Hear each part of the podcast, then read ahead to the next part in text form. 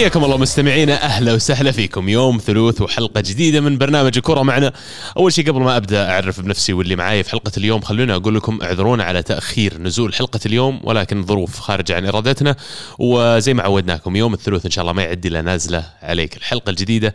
أنا عبد الله ومعاي على يميني عزيز. يا هلا وسهلا حياك الله عبد الله. حيا الله ضيفنا الثالث. ضيفنا الثالث عاد غني عن التعريف المدريدي عبد الرحمن. يا هلا وسهلا حياك الله عبد الله حياك الله عزيز. الله يحييك عاد اليوم يعني المواضيع عندنا خلينا نقول ما هي بدسمة مثل العادة لأن في فترة توقف شبه توقف خلينا نقول في الدوري الإنجليزي. آه، في أندية مثل ليفربول رايحة إجازة شتوية. ويعني نتوقع إنه يرجع الاكشن في ال Premier League تحديدا مع تقدم الأيام. لكن أبدأ أسألك بعزيز يا سؤال. sorry أبدأ يا عزيز أسألك سؤال. آه، الحلقة الماضية في ناس يقولون واحد قايل لك شيء بنهاية الحلقة وفي تحركات. إيش اللي صاير؟ فهمني. صدقني عاد نسيت إيش الموضوع كان. في واحد كان منشني وكنت بقول السالفة لكن التسجيل قطع فنسينا الموضوع. راح. ما ودك تقول بس. بس أنا أحب أحيي اللي تكوا لنهايه الحلقة وسمعوا اللي بعد بعد الموسيقى الختامية. ودك نسويها دائما كذا نخلي مفاجأة في نهاية. والله بيني وبينك أنا حسب اعتقادي أو حسب فهمي انه سويناها أكثر مرة قبل بس مو على كل حال كل انقفضها يعني. هذه أول مرة أحد يعني لأنه الظاهر كان فيها فقرة تشويقية. لكن كان هو موضوع في الهاشتاج وكانت يعني بس تذكرون السالفة صح؟ كانت حلوة السالفة. والله يعني أذكر إنك قلتها بعد الحلقة بس مره ثبتنا كثير. خلونا طب نبدأ بالكورة. أول شيء نبدأ بالدوري الإسباني. في إسبانيا ببدا بريال مدريد. ما دامك مدريدي يا عبد الرحمن وخليني أسألك عن تصريح لوكيل أعمال جاريث بيل اللي قال أنا أعتقد أن الأندية حول العالم اللي تقدر أصلا تستقطب جاريث بيل كإمكانيات مادية محدودة الأندية هذه جدا فأنا ما أتصور أنه يطلع من ريال مدريد. وعلى فكرة بيل سعيد في مدريد. طبعا تصاريح من وكيل أعمال بيل كانت مستمرة من الصيف آه، لأنه كان في كلام كثير عن عن بيل وطلعت بيل وبيل قاعد بيل ماشي. لكن آه، الواضح إنه من زمان طلعت بيل كانت بتكون إما الفريق عنده قدرة شرائية وعنده قدرة مالية كبيرة أو غالبا إنه راح يقدم مدريد. آه، الشيء اللي صار مع زيدان يمكن في بداية الموسم هو اللي اللي خلى الموضوع آه، يكبر آه، بزيادة ولكن زيدان تعامل مع الموضوع بكل احترافية وبالمقابل برضو نوعا ما جارث بيل تعامل معه باحترافية وقرروا إنهم يعني يكملون الثقة في بعض وبيل يكون جزء من خطط آه، زيدان لهذا الموسم. فتوتنهام حاول في نهاية خلينا نقول الانتقالات انه ي- يعني يستقطب بيل عن طريق إعارة وشراء ولكن زي ما ذكرت عبد الله إنه أو زي ما ذكر وكيل أعمال برضو اللاعب جاريث بيل إنه الفريق لازم يصير عنده قدرة شرائية عالية على أساس آه، يقدر يطلع. معناته ك list أندية اللي ممكن إنها تشتري بيل أجل اختصرها وعلى يمكن ناديين ولا ثلاثة حول العالم بي إس جي سيتي آه، هذول غالبا يمكن آه، أبرز اثنين. حتى يمكن أحط معاهم يونايتد. و... ويوفي الأشياء اللي قاعدين يسوونها من تالي هي اللي تقاس عليها يعني.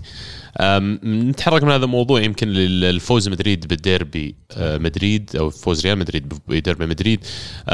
في تفاوت كثير ما بين المستويات اللي قاعد أشوفها في الديربي ما بين اليوم وما بين لو تتذكرون قبل خمس ست سنوات في الفترة الأولى لمنافسة برشلونة ومدريد لما كان أتلتي ينافس على صدارة الدوري وحقق الدوري في واحدة من السنوات كمان أتلتي نفس المدرب إلى حد ما نفس الإدارة ونفس الهيكل لكن مو هو بنفس الأداء مو هو بنفس الحظوظ الفريق متغير ومختلف تماما. ليش؟ طبعا يعني آه، سيميوني أنا أعتقد من وجهة نظري آه، إنه وقتها يعني شبه انتهى مع أتلتيكو مدريد.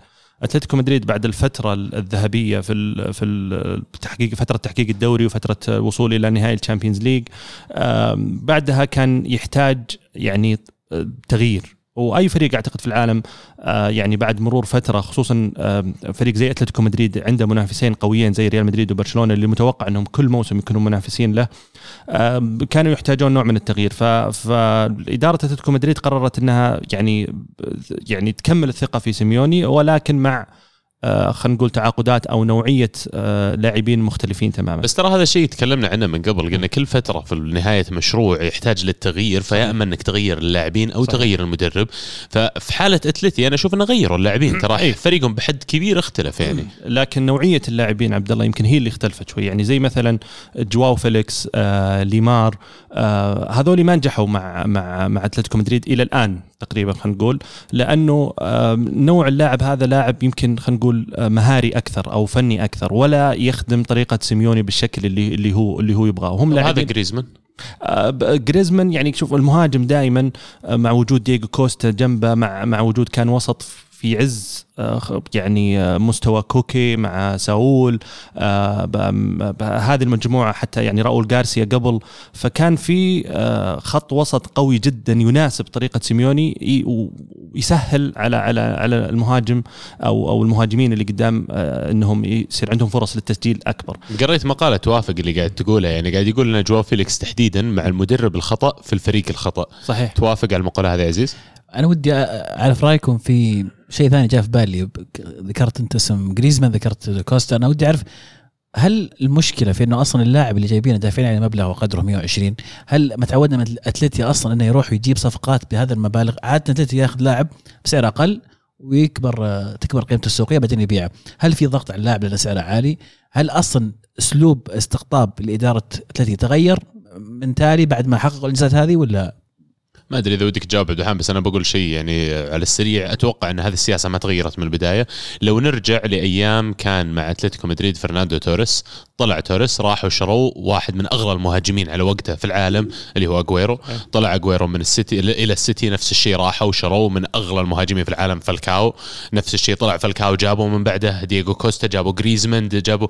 فأنا أعتقد أن السياسة هذه موجودة عندهم لما يطلع عندهم لاعب بقيمة معينة يرجعون مؤمنين هم بأن اللاعبين أسعارها راح دائما تظل في ارتفاع. فعشان كذا أنا أروح أشتري لي واحد اليوم يسوى 120 على أمل إن بكرة أسعار اللاعبين تتغير وهال 120 20 يصير قيمته 300 مليون مثلا. صحيح صحيح. والدليل أصلا حتى يعني إن عدم مناسبة خلينا نقول جواو فيليكس أو نوعية اللاعبين اللي في الوسط آه وبعد خروج جريزمان برضو أتلتيكو مدريد حاول آه في, في, في, في الانتقالات الشتويه إنه يستقطب مهاجم.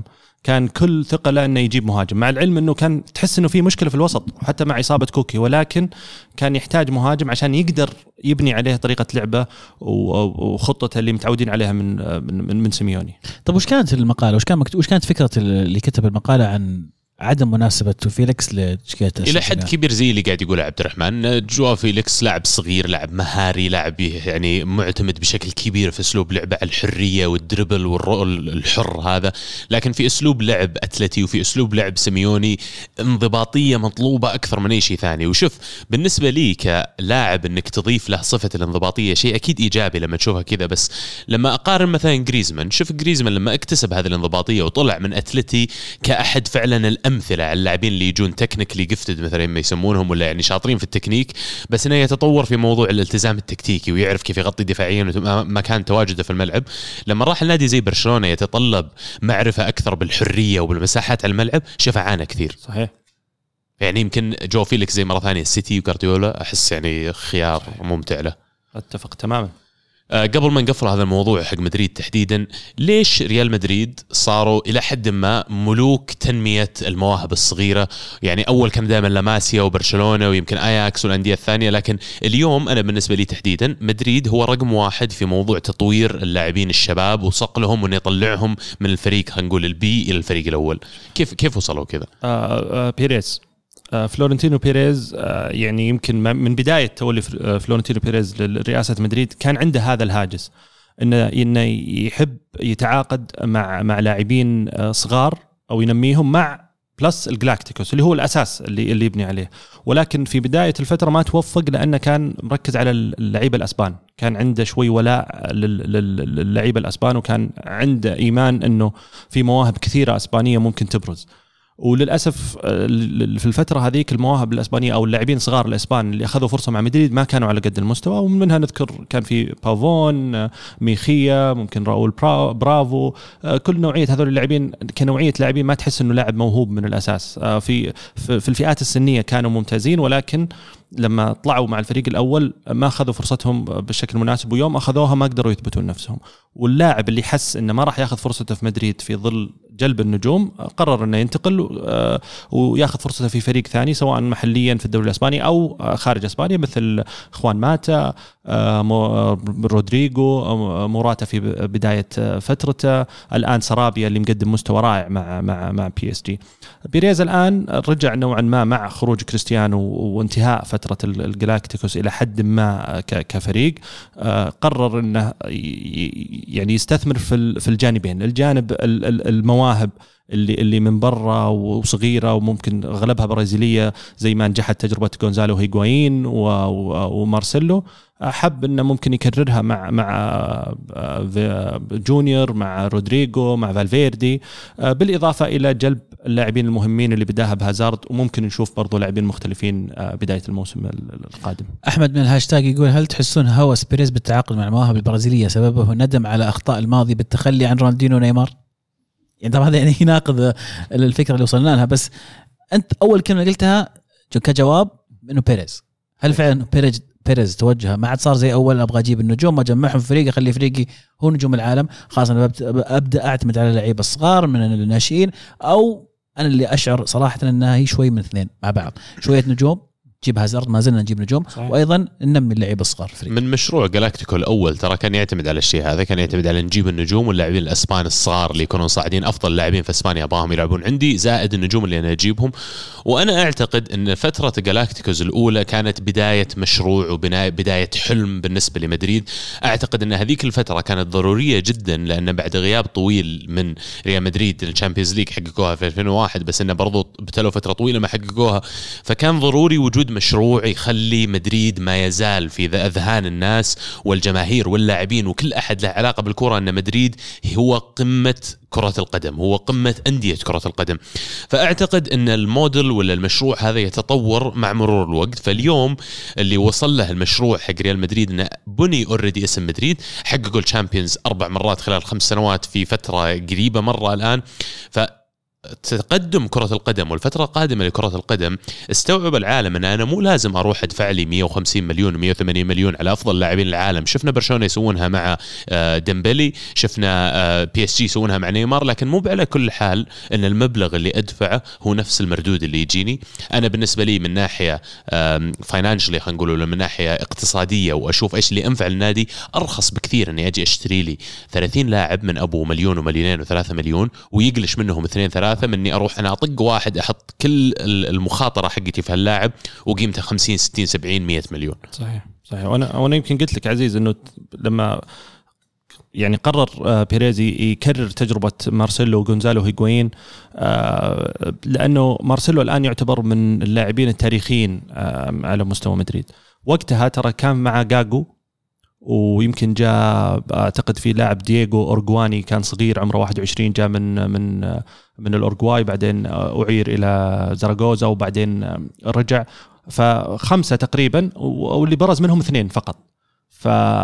فأعتقد إنه من هذه هذه المجموعة في ناس الآن بادئه تثبت نفسها ولسه المستقبل قدامهم كبير. نواف من الهاشتاج يقول أنا من نهائي السوبر الأسباني في جدة. قلت لو نلعب يومين بخطة الخمسة وسط ما راح نسجل. الحمد لله زيدان غيرها الشوط الثاني وتسجل هدف بعد خمس أشواط سلبية في ديربي مدريد. أه قبل ما نسجل عبد الرحمن كنت تسولف لي عن تكتيك زيدان. أي.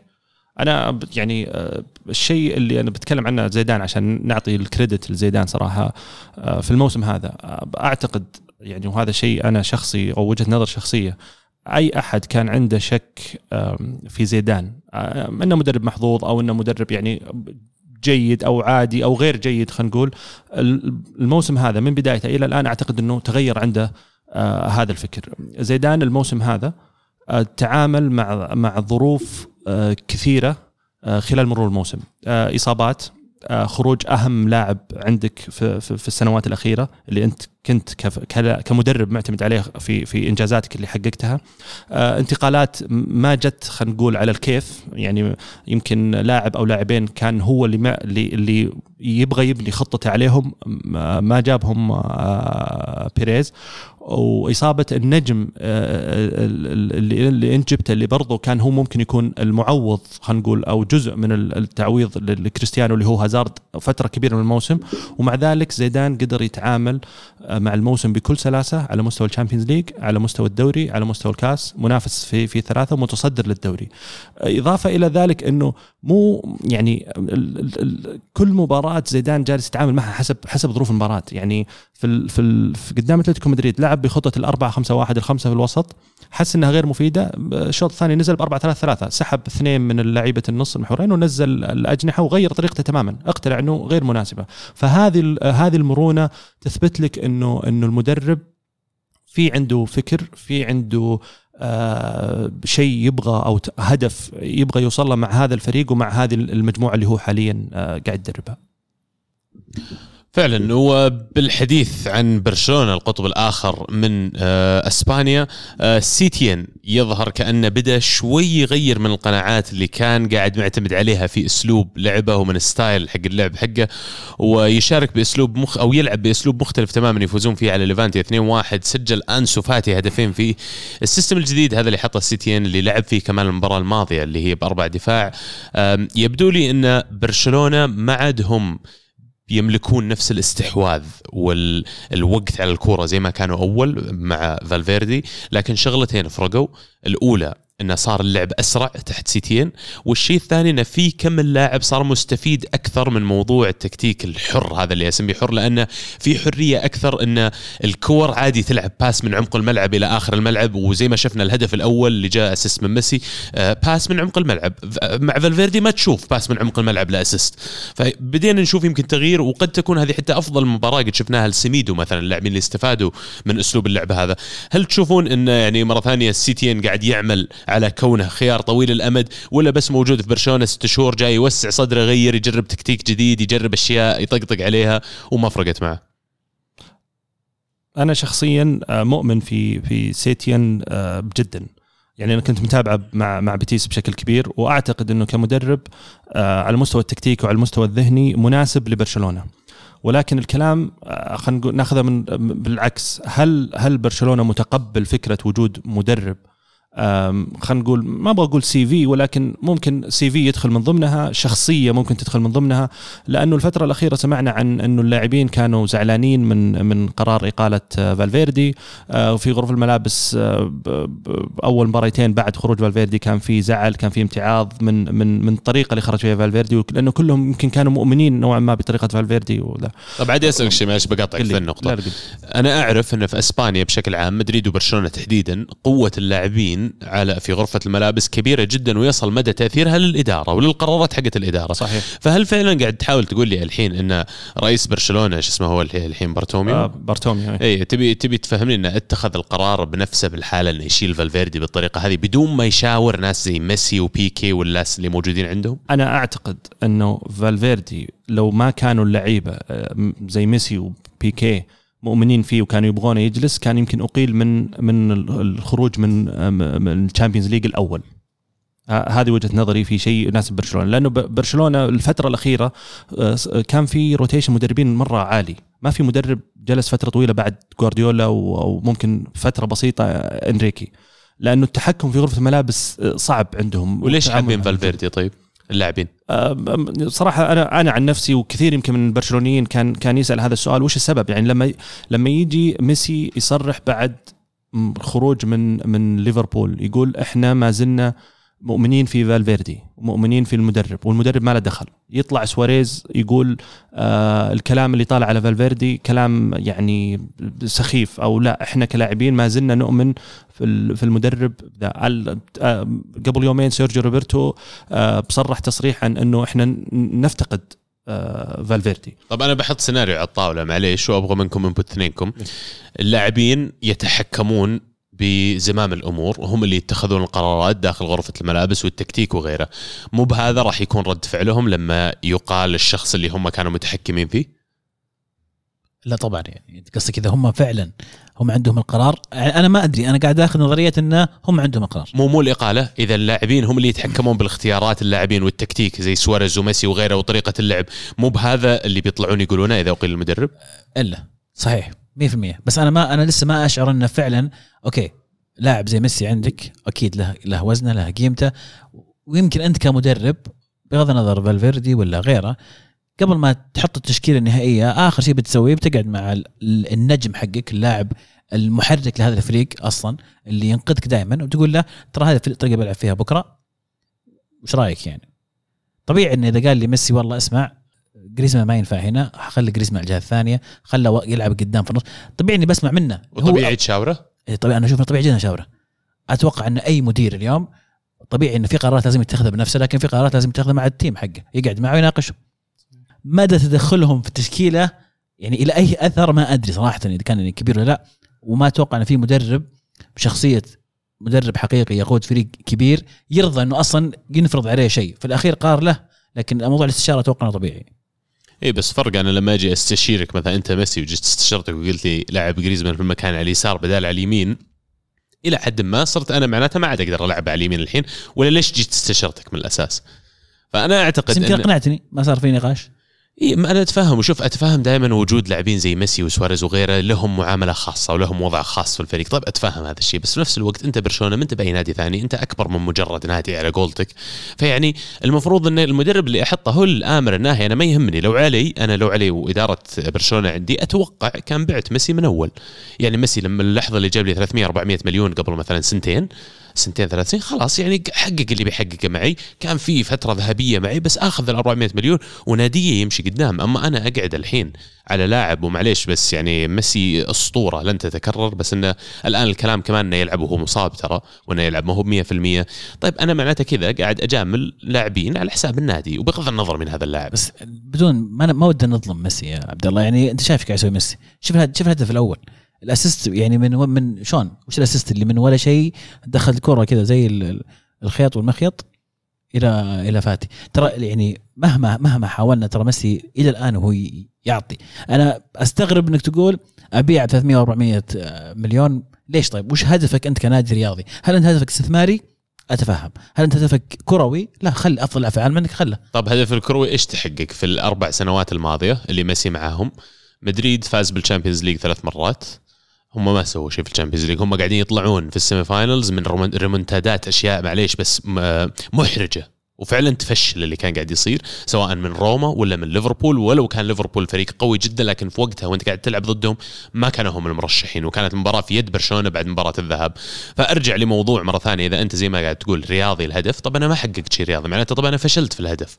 بس أنت تلوم ميسي على هذا الشيء؟ مو بألوم ألوم الإدارة. هل لو بعت ميسي ممكن بتجيب فريق يكون أفضل من الفريق الحالي. ليش ما إذا أنت عندك موارد وعندك فلوس المفروض إنك تعزز الفريق هذا بلعيبة كويسين يساندون ميسي. أنت عندك إذا ما هو بأحد فهو أفضلهم أو إذا ما هو أحدهم. هذه يمكن النقطة الثانية. يمكن خ... لو ما لو ما نبغى نذكر ميسي نذكر اللاعبين اللي اللي حوالين ميسي.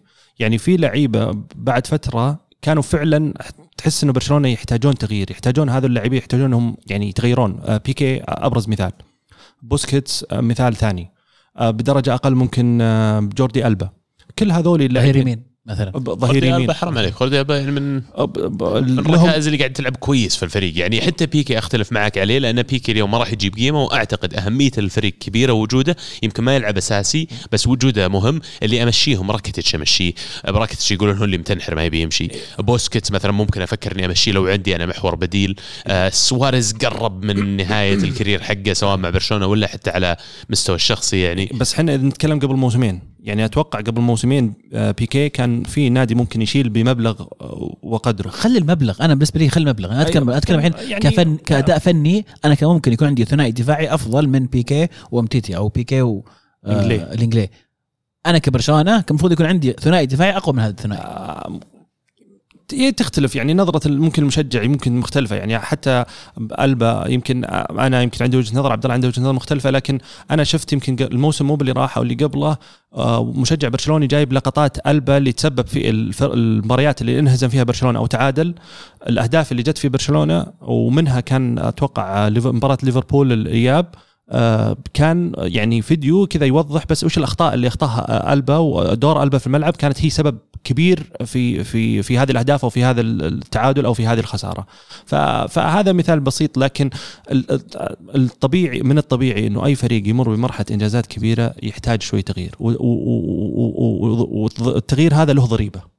ضريبة إنك ممكن ما تنافس موسم ممكن توصل إلى موسمين. ولكن أنت تفكر على على اللونج تيرم تفكر على إنك أنت تبني فريق بعد ثلاث أربع سنوات يصير عندك شيء جاهز. وشيء آخر بالنسبة لقلوب الدفاع وبرشلونة ترى يعني الطبيعي إن الواحد يفكر قياس قلوب الدفاع العادة بالصلابه الدفاعية بعد الأهداف اللي يدخل عليك وغيرها لكن فرق زي برشلونة ترى حسبة قلب الدفاع عندهم مختلفة عن الفرق الثانية اللي تلعب بأسلوب مختلف لأن بالنسبة لبرشلونة مهم جدا إن قلب الدفاع مثلا يكون عنده نسبة التمريرات الناجحة عالية مرة. ضروري جدا إن قلب الدفاع قادر إنه يعرف كيف يفتح مساحة للاعبين الوسط لو قرروا يعطون الكره طيب إذا أعطوا الكره إيش بيسوي فيها؟ فلاعب خط الدفاع في برشلونة أكثر من مجرد كونه قلب دفاع. صحيح. لازم يكون عنده مهارات كثيرة مرتبطة بلاعبين خط وسط صحيح. في العادة. فعشان كذا يمكن من الظلم مقارنتهم بالمدافعين الثانيين. وأعتقد إنك حتى لو جبت أطلق مدافع في العالم وحطيته في دفاع برشلونة ما راح يطلع كأنه. لا لا ما راح يطلع كأنه أفضل مدافع في العالم بغض النظر عن نجاحه ولا لا. صحيح. بس في لأن أشياء ثانية إحنا كمشجعين متعودين المهاجم يقاس بالأهداف والمدافع يقاس بعدد الأهداف اللي تدخل عليه لكن في الواقع نشوف ناس زي أوليفير جيرو يروح يجيب كأس العالم كرأس حربة لاعب أساسي كل المباريات ما عدا المباراة الأولى وما سجل ولا جول.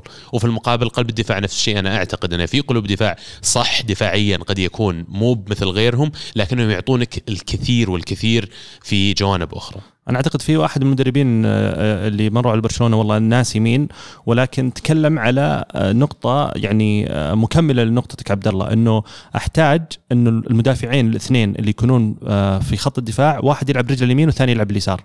لازم تكون الرجل الاساسيه اليسار عشان في في في طريقة أو مرحلة البناء من الخلف يكون من الجهة اليسار قادر إنه الرجل الأساسية تكون هي اليسار واليمين يكون هو اليمين. فهذه طريقة مختلفة. كذا نكون خلصنا الدوري الأسباني وننتقل لل Premier League في ال Premier League يعني الموضوع الأكبر اللي حصل الأسبوع هذا هو مباراة سبيرز أمام مانشستر سيتي اللي فاز فيها سبيرز 2-0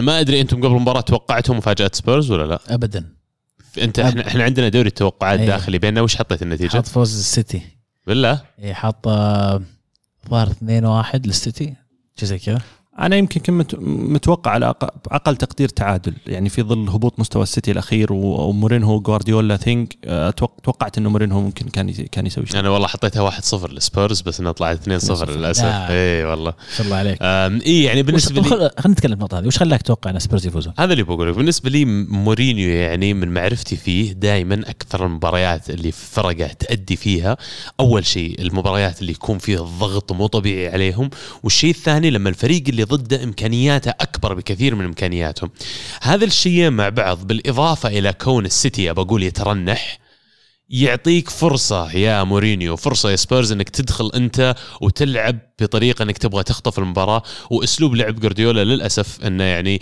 يمنح الفرصة هذه لمدربين زي مورينيو لأنك أنت لما تنزل أي مباراة ضد جوارديولا ومثله قبل فينجر مثلا عارف شلون بيلعب عارف فريقه كيف بيلعب عارف مين بيختار عارف كيف بيلعبون أسلوب لعبهم من وين بيبنون الهجمة عارف كل شيء عنهم. وهذا يمكن نقطة الضعف اللي موجودة في مانشستر سيتي الموسم هذا انه خلال الموسمين أو ثلاثة ماضيات كان عندهم ادفانتج كبير على باقي فرق الدوري وكانوا يعوضونه بموضوع إن عندنا إحنا لاعبين كثير كلهم على أعلى نوعية فما يهمني يلعب فريقي بيكون قوي. لكن على مدى السنتين ثلاثة الماضيات بدوا يصيرون بريدكتبل بدأ يصير سهل توقع كيف بيلعبون.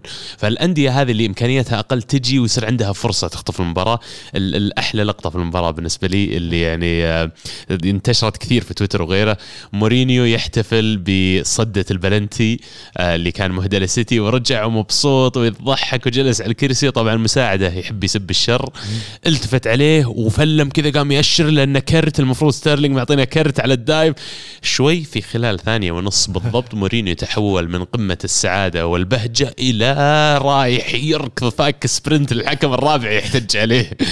يعني كانت من اللقطات الطريفة اللي يعني عشان كذا أنا انبسط أشوف مورينيو. يعني أنا يمكن إذا تسمحوا لي أو تسمح لي عبد الله أسألك أنت بحكم إنك يعني متابع أدق نقول الدوري الإنجليزي هل السيتي سيء؟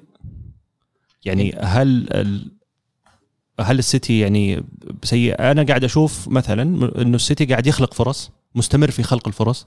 لما تجي الإحصائيات تشوف إنه قاعد يسدد 24 24 تسديدة في مباراة on target وينهزم فيها 1-0 من الهاشتاج مقتدى يقول شنو الفرق بين سيتي الموسم هذا وسيتي الموسم السابق؟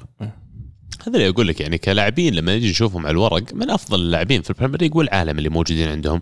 لكن الجانب الأول اللي أتوقع سوى عندهم ذا المشكلة ال imbalance ولا عدم التوازن في موضوع تواجد لاعبين على مستوى عالي في خط الدفاع والوسط الدفاعي مع الوفرة الهجومية اللي موجودة عندهم. فريقهم هجومي مرة فلما أجي أقول لك محاور من عندهم عندهم رودري وفرناندينيو وخلصنا ترى. وفرناندينيو عمره 34 سنة. فيعني الحدود الخيارات عندهم محدودة مرة. والجانب الآخر اللي توني حكيت عنه موضوع سهل توقعهم.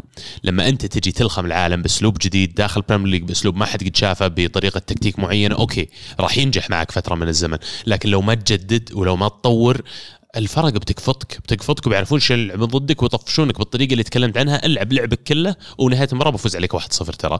وهذا الشيء اللي كنا ننتقد عليه مورينيو أول ترى السنوات الماضية إنه ما تطور ولا تغير ولا ولا جاب أسلوب لعب مختلف لفريقه. وأعتقد إن جارديولا ولو كان تغير على مستوى التكتيكي المايكرو اللي هو نوعيه أو الأدوار المناطة باللاعبين نفسها تتغير إلى حد ما من مباراة لمباراة لكن التكتيك وال system وال style ما يتغير.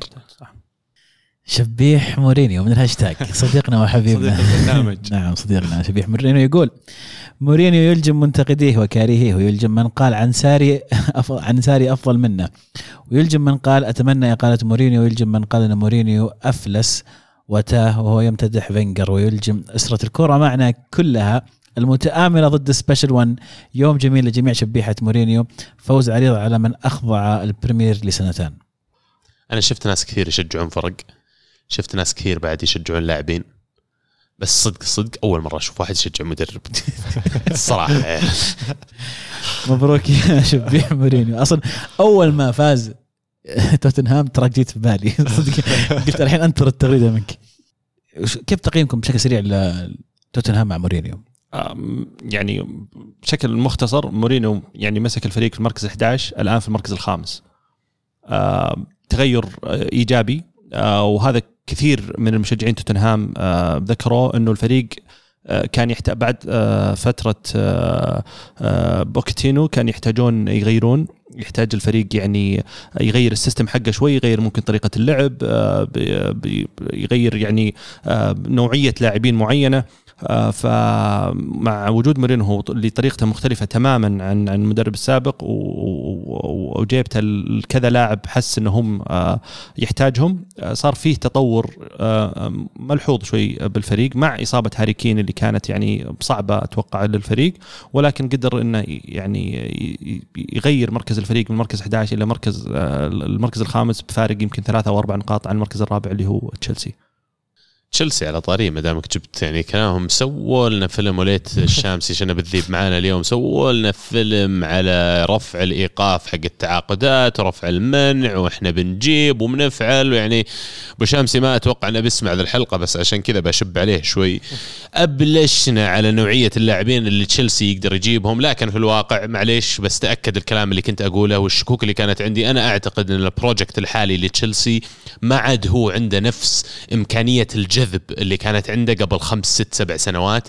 فلما دخلوا ال market وحاولوا مع ناس زي كافاني وزي دريس ميرتنز تفاجئوا شوي إن رغبة هاللاعبين بالانضمام لتشيلسي مهب على المستوى اللي هم كانوا متوقعين. أنا ما أقول إن ميرتنز وكافاني ما كانوا بيجون لا يمكن كان عندهم القابليه إنهم يجون لكن ما كان في الرغبة اللي أنا أبغى أروح تشيلسي. أنا يا نادي خلاص جاكم عرض ب 15 مليون أقبلوه أنا بطلع عقدي بيخلص الصيف الجاي. فأنا أعتقد إنهم يدفعون ثمن السذاجة. في آه، موضوع again قدرتهم على استقطاب اللاعبين اللي يبغونهم. وخلال السنة هذه بنهايتها أتوقع بيبين كثير إيش يقدرون يسوون. إذا قدروا بكتيبة الشباب هذا اللي عندهم يوصلون لل Champions League ويخلصون ال season في ال top four إذا أتوقع جزء من عمليه الجذب بترجع لهم في الصيف الجاي. لكن إذا خلصوا خارج ال top four فطريقهم والله طويل طريقهم طويل وصعب يعني. محسن يقول اللي محزني شنب الذيب قبل الانتقالات متحمس ويقول نبي نجيب أربع لعيبة ويخطط ويحلم. آخر شيء ولا لاعب؟ لامبارد يعني مصر على إنه يثبت إنه اللعيبة الصغار اللي هو جابهم وعنده إيمان فيهم مصر إنهم هم اللي ممكن يغيرون من شكل الفريق أو ينقلون نقله الفريق. والدليل إنه غير مراكز بعض اللاعبين وخلى اللاعبين في الاحتياط ممتازين مثل كوفاتشيتش آه، على أساس إنه ميسون ماونت يلعب. آه، أنا شفت المباراة الأخيرة. آه، ميسون ماونت okay two assist assist من كور ثابتة ولكن كان يمكن من أقل اللاعبين عطاء في وسط الملعب. يوم دخل كوفاتشيتش يعني تغير شوي شكل تشيلسي. صار في أحد آه، عنده القدرة إنه ينقل كورة في أحد عنده قدرة صناعة اللعب ف... فأنا بالنسبة لي لامبارد يحتاج أنه يعتمد على اللاعب الأفضل آه، في تشيلسي ويحاول إنه يفوز مباريات قد ما يقدر على أساس مثل مثل ما ذكر عبد الله يكون من ال top four ويقدر إنه يجيب لاعبين كبار في الصيف. هذا بالنسبة لتشيلسي. أما بالنسبة للأندية الثانية يعني في ال Premier League الأسبوع هذا ما كان في أشياء كبيرة مثيرة للاهتمام يمكن لأنه مهدي الوضع بس يونايتد تعادلوا 0-0 مع وولفز في الجولة الماضية أرسنال تعادل 0-0 مع بيرنلي.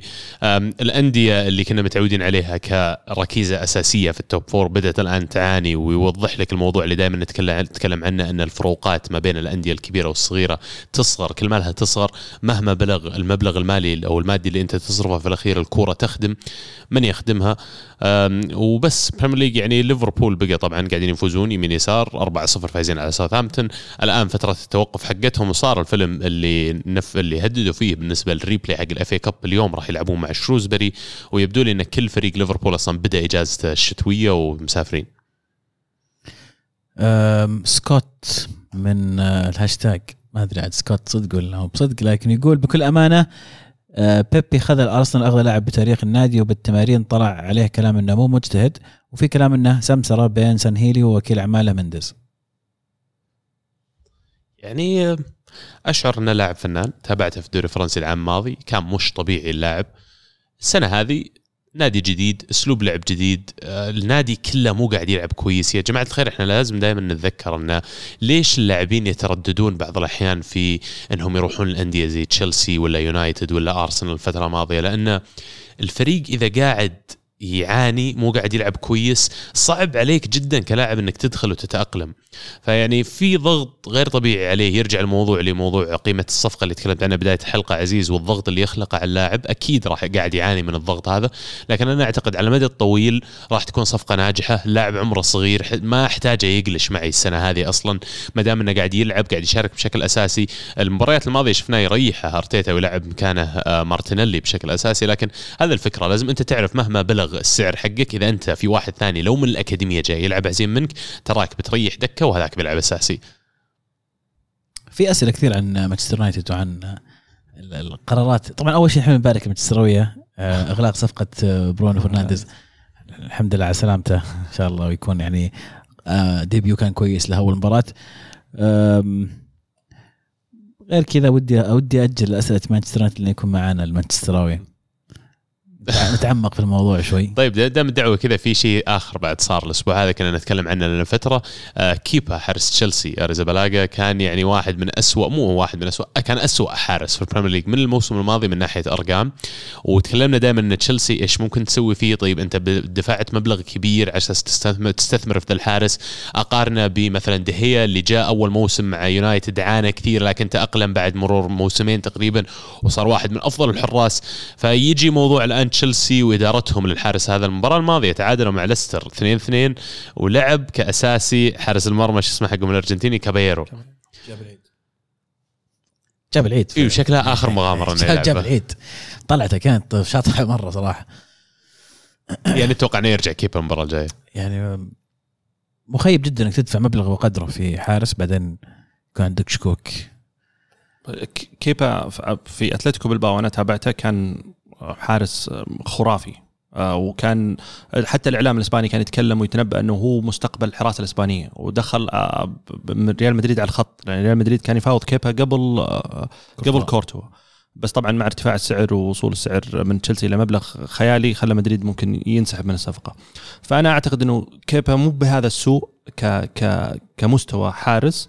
ولكن آه، اعتقد هي مشكلة ثقة بنفس الفريق ممكن ما هو قاعد يؤدي ما في ما في خط دفاع ممكن ممتاز يساعد الحارس نوعا ما ولكن إذا تشيلسي يبغون يتصرفون فيه آه، يبيعونه أو يرجع على الأقل يستفيدون منه من بيعه لازم يعطونه الفرصة بحيث إنه يثبت نفسه ويقدرون على الأقل يبيعونه أو أو يستمرون. هو بدأ الفيلم حقه لو تذكرون من الفيلم يوم يبدله يساري ورعيه يطلع وسوى الفيلم سوى نفسه أهبل إنه ما فهم وبدت الدجة.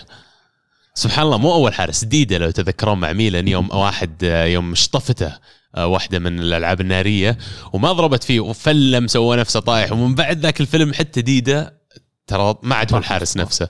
فيعني في في شيء نفسي الظاهر عند الحراس لما يتعرضون للهزه صحيح وخصوصا إنه هو هو يعني آه، خلينا نقول الانتقادات تجي مباشرة على الحارس. يمكن تلقى الم- المدافع آه، مخطي قبله بس اللوم أكثر يجي على الحارس. ليش طلعت؟ ليش آه، ما غطيت الزاوية صح؟ آه، يبدأ يبني على أشياء سابقة سواها أفلم فيها الحارس. فهذه ضريبة الحراس. كذا نكون وصلنا كمان للدوري الإيطالي.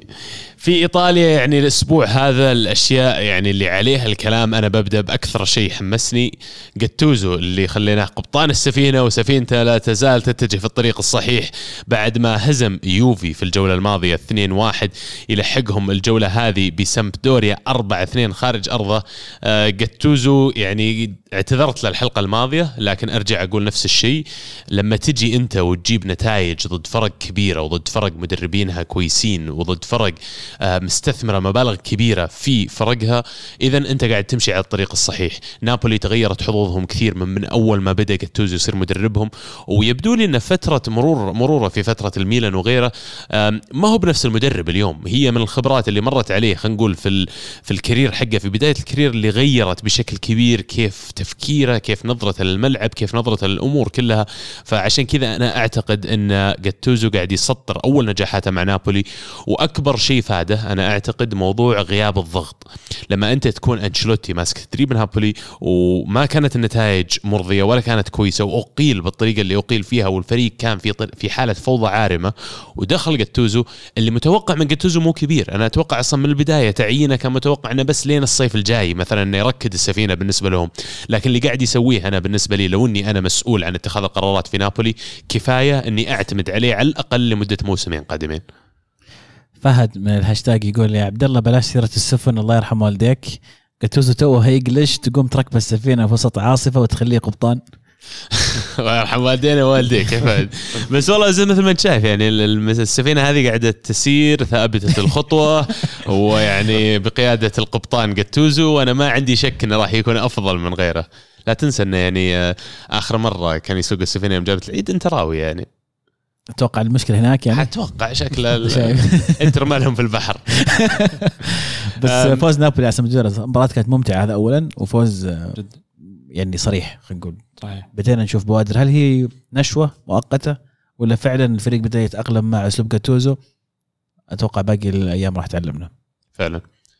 على طاري انتر والبحر خلينا نتكلم عن انتر. رجل انتر اللي فازوا المباراة الماضية خارج أرضهم على أودينيزي بهدفين لروميلو لوكاكو. آه لوكاكو قاعد يجيب أرقام ممتازة جدا. إلى الآن من 26 مباراة إذا ما كنت غلطان مسجل 20 هدف. الموسم الماضي كله مع يونايتد مسجل 19 هدف وإحنا تونا انتصفنا في الموسم تقريبا. يعني المشروع ينجح يوريك إنه ناجح ثم يجيبون العيد ثم ينجحون ثم يجيبون العيد. وش تقييمك لهم إلى الآن؟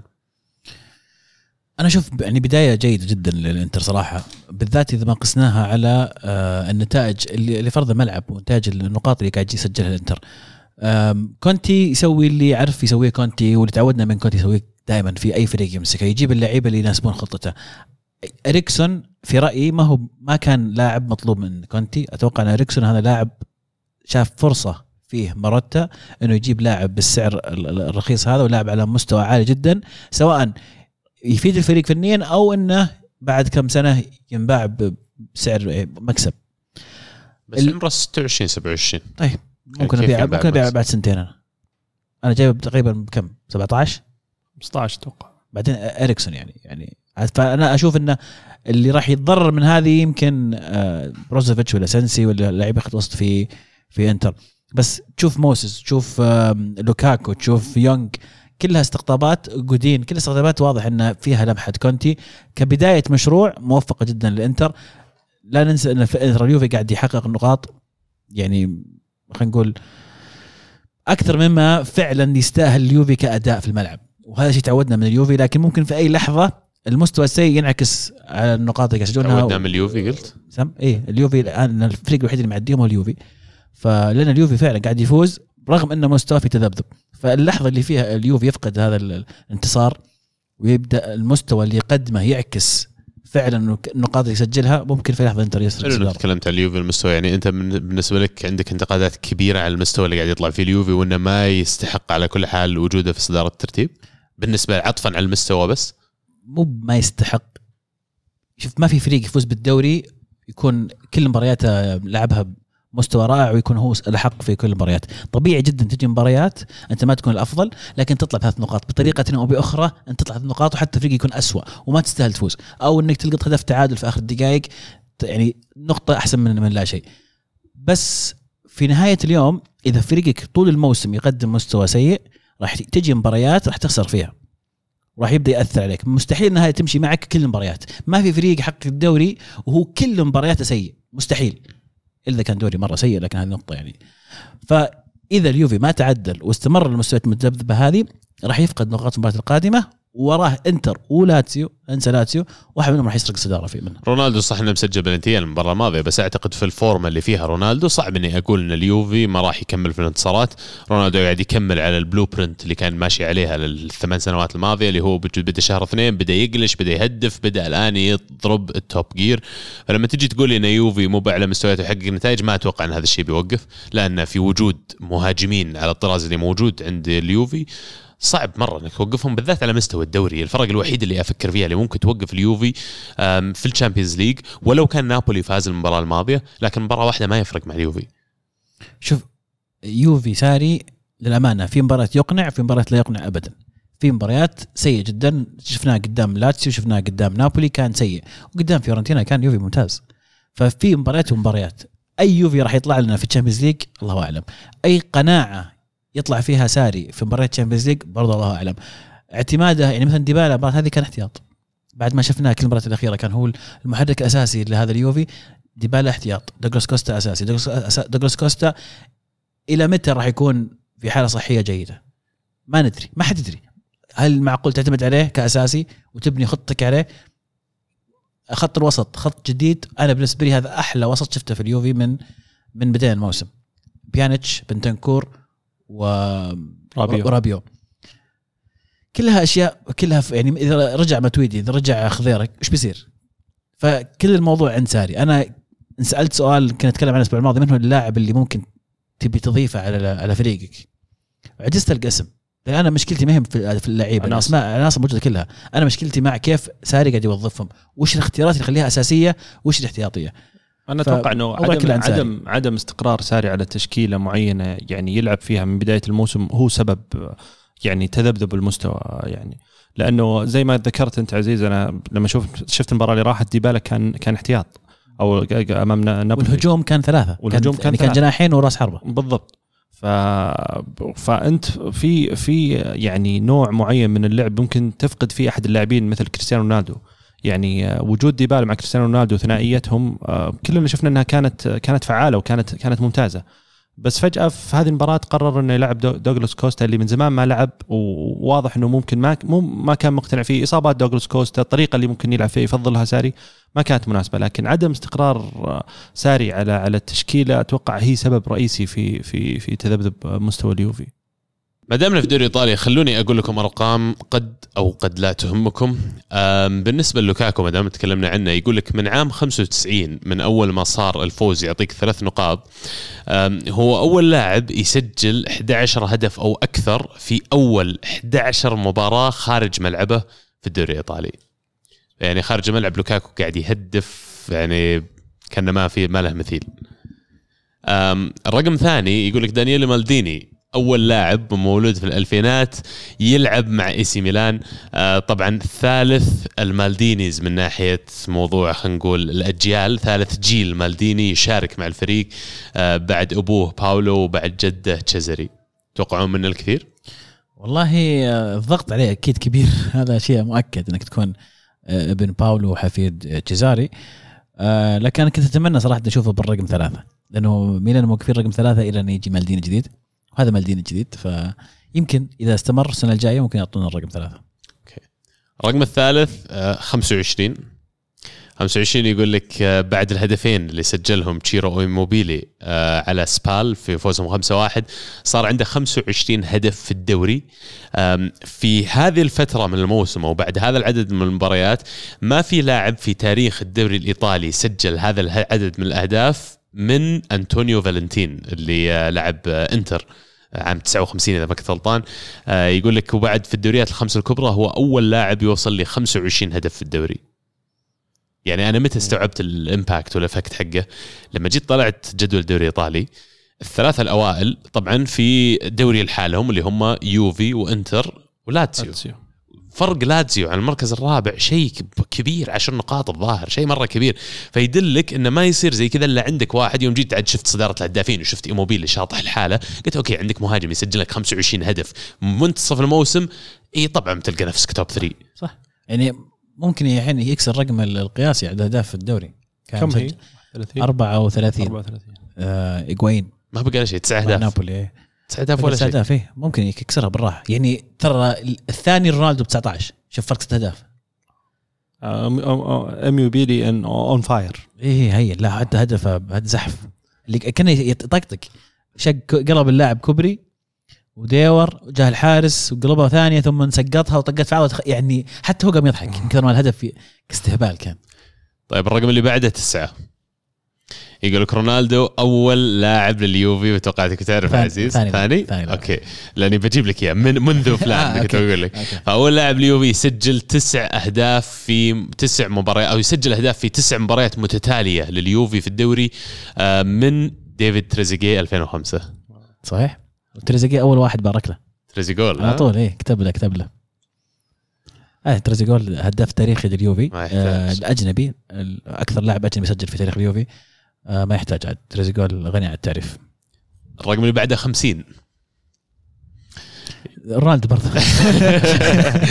يقول لك في 50 مباراة دوري إيطالي خاضها كريستيانو رونالدو إلى اليوم. آه، كان له يد أو كان له دخل في 50 هدف 40 هدف و10 أسيستات. ما في ولا أحد من أول ما جاء رونالدو إيطاليا قدر يسوي ماتش للرقم هذا ما عدا لاعب واحد. من جية رونالدو إيطاليا ما في إلا لاعب واحد غير رونالدو شارك في 50 هدف. هيجوين إيموبيلي. صح عزيز إيموبيلي. صحيح مو بصحيح والله مو بصحيح. وهذه الأرقام عندنا الدوري الإيطالي. في عندي والله أرقام على الأندية على الدوريات الثانية بس بجيها بعد الحلقة لأن عد مو بعد الحلقة بعد الدوري الإيطالي نرجع لها. جميل. آه شيء أخير الميلان تعادل واحد واحد في غياب زلاتان إبراهيموفيتش.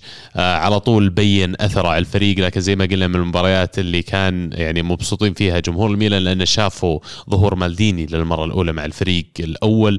آم، عزيز ليش ما لعب معهم زلاتان المباراة هذه؟ يعاني من الفلو. أي نوع فلو عد ما أدري. بس يعني أنا تعبان الرجال أحمد من هاشتاج يقول ميلان لم يعرف طعم الخسارة منذ التوقيع مع مع المدرب السويدي زلاتان إبراهيموفيتش. لقطاته في مباراة الكاس وهو يوجه اللاعبين من الدكه تعطيك نبذة عن اللي يقدر يقدمه حتى خارج مستطيل الأخضر. هل تعادلوا لأن ما في زلاتان ولا هل تعادلوا لأن في زلاتان؟ يعني السؤال ذا حدين. الفريق ما خسر من هذا شيء أكيد. يعني آه، إحنا تكلمنا يمكن أول ما تعين آه، بيولي مدرب الميلان عشان ما ما نبخس المدرب حق المدرب آه، مدرب ممتاز آه، مع لاتسيو قدم يعني كورة جميلة. فكان متوقع منه إنه هو يح- يحسن من مركز ميلان أول ما استلم الفريق. خصوصا إنه كان في عناصر وميلان جابت أكثر من لاعب يعني ممتاز. ثيو هرنانديز بن ناصر بيونتك لما لما لما جاء في بداية الموسم فكان متوقع إنه يكمل. ف فجية زلاتان طبعا زلاتان افكت يعني آه، زادت من من من الثقة آه، في الفريق واستمرارا للنهج اللي بدأ فيه آه، بيولي. فأنا آه، متفائل بميلان انه إنه بيحسن مركزه يعني زيادة وزيادة أكثر مع مرور الوقت والمباريات. كذا نكون وصلنا لنهاية الدوري الإيطالي. ونوصل لبطل وبصل. بطل وبصل. بطل وبصل. الله. طيب إيش رأيكم اللي يبدأ ما يكون معنا اليوم؟ واحد من خارج ال- الدائرة. شلون يعني؟ اشرح لي أكثر. اشرح لك هاشتاج؟ أكثر. في واحد كان بيشارك معنا الحلقة لكن ما قدر يشارك. لا والله مو بهاشتاج آه. فما حب إن تفوت الفرصة إنه يشاركنا ببطل وبصل وهدف حقه.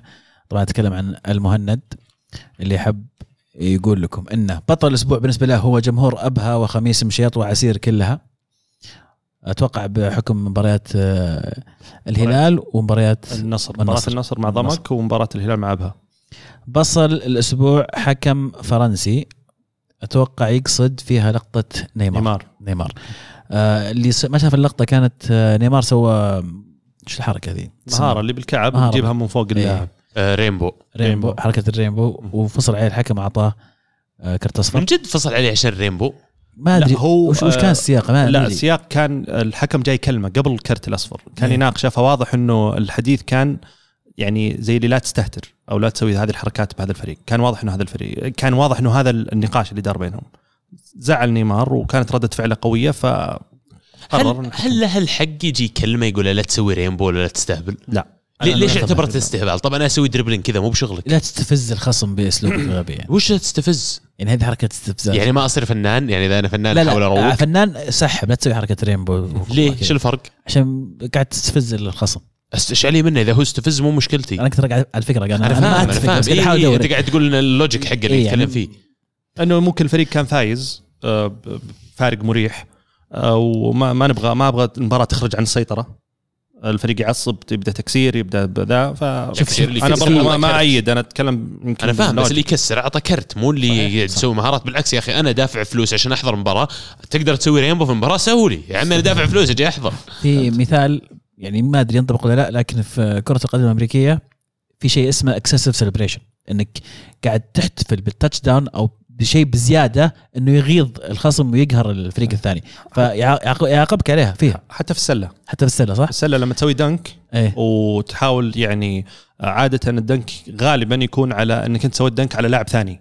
إيه. فهذه تصير يعني عيب أو تصير يعني إيه. قوية في حق اللاعب هذا اللي تسوى عليه دنك. يعني على وزن كبري عندنا. على وزن كوبري يعني تخيل إنك أنت يعني تلقم واحد كوبري بعدين ترجع تناظره ولا فهو على طول technical foul في ال- في السلة لما تسوي dunk آه. على أحد وتحتفل قدامه أو تناظره نظرة معينة على طول آه، يحسب عليك technical foul صح بس اجن مثلا الحين لو اللاعب احتفل قدام جمهور الخصم حركات بيور زي كذا أنا أتفهم ان الحكم يعطيه كرت.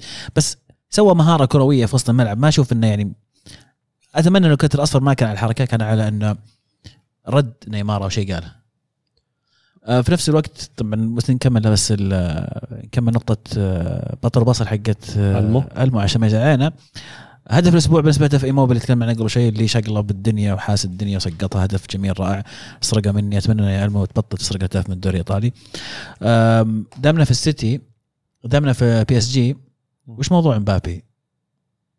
آه، مبابي كان في مباراة في الدوري الفرنسي آه، كان فريق فايز 5-0 آه، تقريبا أول ربع ساعة من الشوط الثاني قرر آه، توخل إنه يطلع مبابي الفريق فايز وخايف عليه حب إنه يريحه في جولة Champions League جاية آه، فوقت خروج مبابي صار في نقاش بين مبابي وتوخل وكان واضح ان النقاش آه، يعني كذا حاد وزعل إنه ليش ليش ليش تطلعني؟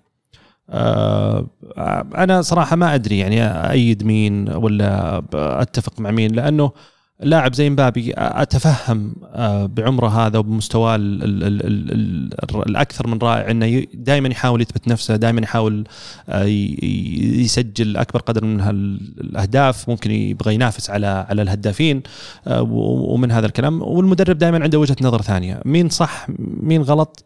صعبة إنك تحكم ولكن دائما المدرب أعتقد لأن الفريق فايز 5-0 و- وأنت تبغى تحافظ على اللاعب. أحس إنه هذا منطقي أكثر واللاعب صغير يعني صحيح. يعني تطلع من الحركات هذه طبعا طلعت طلع الكلام بعد مبابي آه، وريال مدريد والارتباط وهل. هذه المشكلة. ستتسبب في خروج مبابي و- وطبعا سأله توخل أكيد في المؤتمر الصحفي وقال هذا ما له أي دخل هذا تصير بين بيني وبين اللاعبين في كل وقت وشيء طبيعي اللي صار وأتفهم إنه مبابي يبغى يلعب ولكن أنا برضو من حقي إني أبغى أحافظ على اللاعب صحيح عندي ولا عندك يا عبد الرحمن؟ قبل ما نروح لعبد الله خلي عبد الله آخر واحد. سيف ذا best for last طبعا يعني. اللي تبغى تبغى. يلا روح. يلا. بالنسبة لي بطل الأسبوع آه، شيفيلد يونايتد آه، ليش شيفيلد؟ لأنه شيفيلد قاعد يقدم مستوى أكثر من رائع. يمكن تكلمنا عنه كثير آه، في في حلقات سابقة. آه، استمرار الفريق بنفس العناصر اللي اللي اللي صعدت ال- ال- ال Premier League وإيمانهم آه، في المدرب والعمل المنظم اللي قاعدين نشوفه. آه، أعتقد إنه يستاهل إنه يكون من ال top 6 so far في ال في, ال في ال Premier League بالنسبة لي آه، بصل الأسبوع يعني ما كان في يمكن بصل واضح لكن شطحة شوي البصل حقي اللي هو جمهور الهلال السوداني. آه، جمهور الهلال السوداني كان في مباراة بين الهلال السوداني والأهلي المصري في دوري أبطال أفريقيا وكانت مباراة حاسمة. في حال فاز الهلال السوداني هو اللي يتأهل وفي حال تعادل الاهلي المصري أو فوز الأهلي المصري هو اللي يتأهل. فلك أن تتخيل مباراة بين هذول الفريقين وفي أرض السودان. فكان جمهور الهلال السوداني آه خرج عن النص خلينا نقول بالعام بالجمله اللطيفة وقام يرمي كراسي على على إيه كراسي. كراسي إيه. آه على على لعيبة آه الأهلي وعلى الملعب وعلى جمهور الأهلي وتلفظوا بعبارات آه كانت عبارات جدا سيئة لدرجة إنه آه، التحكيم أو المراقب المباراة تكلم على إنه رصد آه، هذه الحالات. بالمقابل كان الأهلي المصري آه، طلع بيان إنه يستنكر هذه الأفعال ولكن تقديرا لدولة السودان وتقديرا للجمهور الهلال السوداني والعلاقة التاريخية بين الناديين قرروا إنه ما يرفع شكوى على على نادي الهلال السوداني ولكن يعني يفضل إنه يصير فيه احترام في المستقبل. فأنا أعتقد إنه الكوره مهما وصلت وصل فيها التعصب ووصل فيها الحماس ما ما توصل إلى إلى هذه المرحلة. إلى رمي الكراسي. إلى رمي الكراسي. آه، هدف الأسبوع آه، أنا ما أدري ما غشيت أهدافكم عشان ما أسرق أهداف أحد لكن آه، بالنسبة لي هدف بوغا بوغا الثاني التوالي. المره الثانية بالنسبة لي آه، بوغا لاعب ساسولو آه، اللاعب هذا يعني أنا بالنسبة أحب الأهداف الشوتات المزعات. فثقة اللاعب بنفسه ويعني تعرف إذا قالوا لك في لاعب يعرف مقاسات المرمى إيه. أحس بوغا يعرف مقاس المرمى لأن الزاوية اللي تجي فيها الكورة يعني رائعة. فسحب وشات الكورة من من مسافة قريبة فكان هدف أكثر من رائع.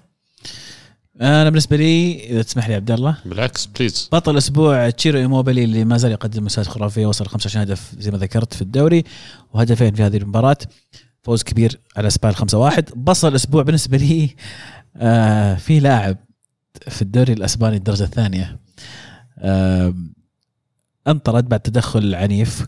على احد على الفريق الثاني وطرد الحكم وراح دخل غرفة الملابس بيغير. راجعها الحكم بالفار واكتشف إنه يعني التدخل ما كان خطر لدرجة إنه يستاهل كرت أحمر فراح عند الأنبوب ذا اللي حق اللعيب وناداه رجعه قال له تعال. رجع اللاعب دخل اللاعب على طول راح للاعب اللي كان مع تدخل معاه وقام يتلفظ عليه ويتهاوش معه. أعطاه كلمتين الظاهر غلط عليه سمع الحكم طلع كرت أصفر أعطاه كرت أصفر ثاني وطرده مرة ثانية. فيعني يستاهل أكبر بصله يعني ما أدري ما أدري وشو يحتفظ فيها لا يرجعها. يبي لها جائزة خاصة دي.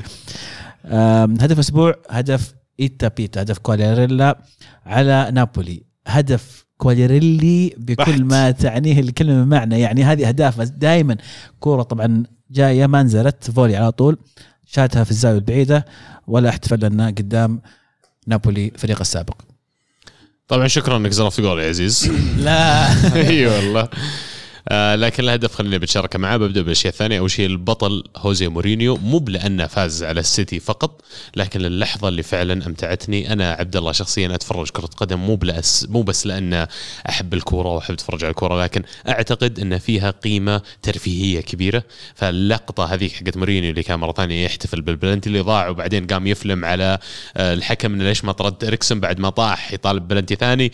فهذاك أعطيه البطل بالإضافة عشان فاز البصل أبى أعطيه يعطيها نيمار عشان موضوع لعنة إصابة عيد الميلاد فهذه ثالث سنة على التوالي. آه، بعد عيد ميلاده على طول أو بعد ما يسوي حفل عيد ميلاده يصاب آه، نيمار. السنتين الماضيات كانت إصابة في القدم السنة هذه إصابة في الأضلاع. أنا ما أدري والله إذا هو من الاحتفال اللي قاعد يسويه يعني قاعد يجيب عيد في نفسه بس إنه عموما آه، ما ينتبه لنفس اللاعب هل هي مرتبطة أيضا بعيد ميلاد أخته؟ أنا سمعت إن ميلاد أخته في مارتش. فدائما آخر ثلاث سنوات دائما يكون في البرازيل وقت عيد ميلادها ودائما يكون مصاب بين قوسين يعني. والله يصير يستاهل جاب بصل زيادة. بصله ذهبية هذه. الهدف زي ما قال عزيز هدف كوالياريلا. يعني كان أنا كنت باخذ كمان حق إيموبيلي بس الأهداف في الأسبوع هذا في الدوري الايطالي كانت جميلة. آه، كوالياريلا أكثر ما لفت نظري فيه اللي هو زي ما قال عزيز typical كوالياريلا. تكنيك ما ولا غلطة عارف بالضبط كيف يبغى يشوت الكرة وين يبغى يشوتها وما كنت مستوعب إنه كان يلعب في نابولي فعلا عشان كذا ما أحتفل إيه. أنا كنت أقول إيش دعوه أوكي 2 0 هذا 2 1 لسه هو نابوليتانو مرة هو نابوليتانو يعني أصلا من نابولي بعد فمرة يحب نابولي فطبيعي هو من اللعيبة اللي ما يبغى يزعل أحد يعني أيه. تشوف أغلب الاحيان ما يحتفل. حتى مع اليوفي لعب صح؟ إيه لاعب على اليوفي. كذا نوصل لهاشتاج الكرة معنا يا عزيز. هاشتاج الكرة معنا. بسام يقول أول شيء أهنيكم على بودكاستكم الرهيب أتحمس لصباح الثلاثاء عشان أسمع حلقتكم استمروا. شكرا يا بسام. وسامحنا الحلقة مهي بصباح إن شاء الله إنها مساء الثلاثاء قاعد تسمعها. بطل الأسبوع زيدان اللي معذب سيميوني. بطل الأسبوع الحكم اللي أنذر نيمار. هدف الأسبوع بوغا لاعب ساسولو اللي كل أسبوع يتحفنا بصاروخ. أتوقع إن أخذ من كل واحد مننا شوي. متوتر جدا. يقول برأيكم وش أكثر صفقة مخيبة للظن حتى الآن من سوق الصيف. أنا أشوف ماجواير بسبب سعره. سؤالي لعبد الله إذا كان موجود هل يجب أن تكون الآسيوية هدف للنصر؟ جاوبون على السؤال الأول أول. أك- أكثر صفقة مخيبة للظن حتى الآن من سوق الصيف. تحطون جو فيليكس معهم؟ جو فيليكس فيليكس. آه، هازارد. لأن السعر كبير. هازارد إصابات. هازارد إصابات. ما ودي يعني أظلم آه، جريزمان أنا جاء في بالي ما أدري إذا. جريزمان. بيبي أرسنال. من بعد يونايتد من جابوا غير ماجواير.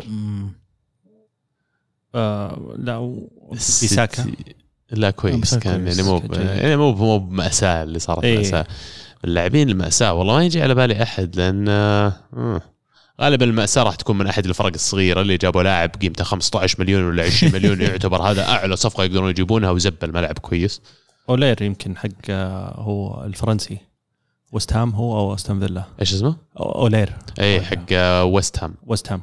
إيه. أتوقع كان عليه؟ كلام آه، إيه. يعني وست ولا هام أو. أو أستون فيلا. كان عليه كلام كبير في الصيف آه، وجاي من الدوري الفرنسي وأتوقع هداف لدرجة إني أنا بغيت أتهور وأشتريه بال- بال fantasy. بس للآن يعني موسم أتوقع إنه مخيب. آه الأسيوية والنصر يا عبد الله.